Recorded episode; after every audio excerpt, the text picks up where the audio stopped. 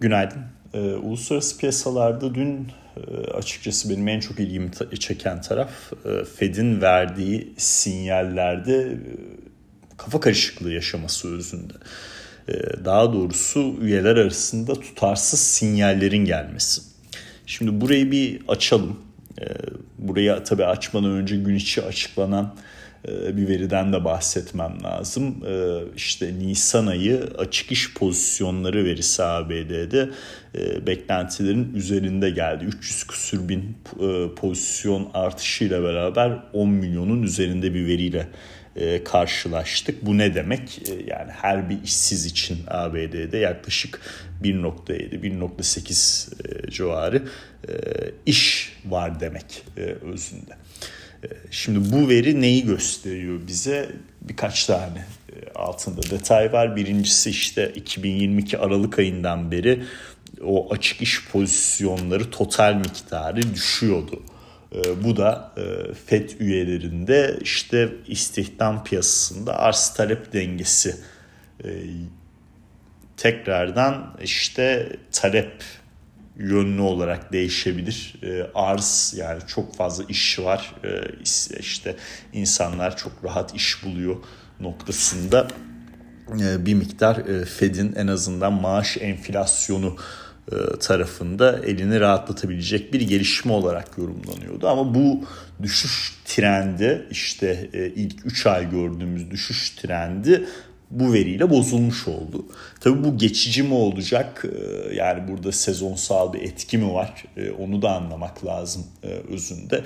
Ee, yoksa böyle rakamlar devam mı edecek? Hani Mayıs ayı verisi bence oldukça önemli olacak bunu anlamak adına. İkinci nokta e, istifa e, oranı özünde istifa miktarı bu piyasa beklentilerinin altında kaldı. Yani olay şu e, aslında e, beyaz yaka diyebileceğimiz e, kısım daha az istifa ediyor diye anlıyorum. Demek ki işte teknoloji sektöründen, finansal sektörden gelen işten çıkarma haberlerinin mevcutta işte beyaz yaka olarak çalışan kişilerin pozisyonlarına daha e, sıkıca bağlı olduğunu anlıyorum. E, hemen böyle istifa edip e, benzer bir pozisyonda veya daha iyi bir pozisyon iş bulmayı eskisi kadar rahat düşünmüyorlar. Ama diğer taraftan daha böyle hani mavi akademiyim ama daha hizmetler tarafına fokus olan işte yeme içme sektöründen tutun işte ne bileyim o minimalde bir e, yapıyı düşünün. O tarafta e, iyi gidiyor e, gidişat e, ve orada işte e, işe alımlar daha fazla gerçekleşiyor. O açık pozisyonlar daha fazla oluşuyor özünde. E, böyle bir yapı var. E, burada da e, aslında e, Fed açısından e, kafa karıştıracağım bir yapı var. Yani açık iş pozisyonları yüksek, trendi bozdu. Yani bu işte maaş bazlı enflasyon riskleri açısından nasıl değerlendirmek lazım? Burada yukarı yönlü bir risk oluşturuyor. Diğer taraftan istifa oranlarına baktığımızda hani beyaz yaka tarafta eskiye nazaran daha az istifa var. Demek ki aslında o tarafta böyle bir arz talep dengesi oluşuyor mu e, noktası e, soru işareti şeklinde karşımıza çıkıyor. Bu, bu durumda tabii e, işte e, Haziran ayında ne yapacak sorusunda enteresan e, oynaklıklara neden oluyor. Veri geldikten sonra ilk başta faiz artışı e, olasılığı çok yükseldi. E, işte bu e, manşet rakamın tabii çok yüksek bir rakam gelmesi e, bunu destekliyor özünde. E, ancak ondan sonra Fed üyelerinin konuşmalarına baktığımız zaman ki burada hani Fed üyesi derken dün yani konuşan iki üyeden ikisinin de 2023'te e, işte oy hakkı var e, ve daha da önemlisi bir tanesi Fed'in başkan yardımcısı adayı e, özünde. Biliyorsunuz Bernard e, işte Biden'ın ekonomik takımına geçtikten sonra Fed'in başkan yardımcısı pozisyonuna e, başka bir kişi önerildi. Ancak bu kişinin kongreden onay alması lazım özünde başkan yardımcısı olabilmesi adına. Şimdi bu kişinin yaptığı açıklamaya baktığımız zaman ne karşımıza çıkıyor? Haziranda pas geçirebilir ama bu durum demek değildir ki bir daha faiz artmayacak. Şimdi bu çok farklı bir boyuta bizi geçiliyor. Neden bunu söylüyorum? Powell'ın e, çok uzun zamandır verdiği sinyal şuydu. E, biz faiz artışlarında durursak eğer, arttırmazsak bu artık e, bir daha arttırmayacağımız şeklinde anlaşılabilir ve burada bir durma periyodu yaşanır şeklinde yorumluyordu. Yani çünkü işte dur, e, tekrar arttır, dur, tekrar arttır gibi bir şey istemiyordu e, özünde. E, ama anladığım kadarıyla para politikasının gecikmeli etkisini daha iyi ölçmek adına daha çok veriye ihtiyaçları var.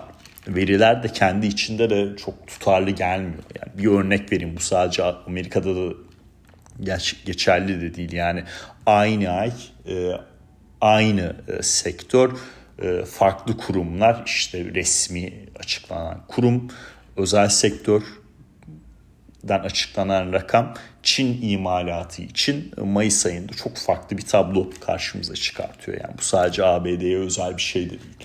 Özünde pandemi sonrası ekonomik verilerdeki e, okuma zorluğu ve e, işte o regresyonların bozulması, trend çizgilerinin nasıl devam edeceğini anlamak vesaire bunlar tabii çok etkili faktörler.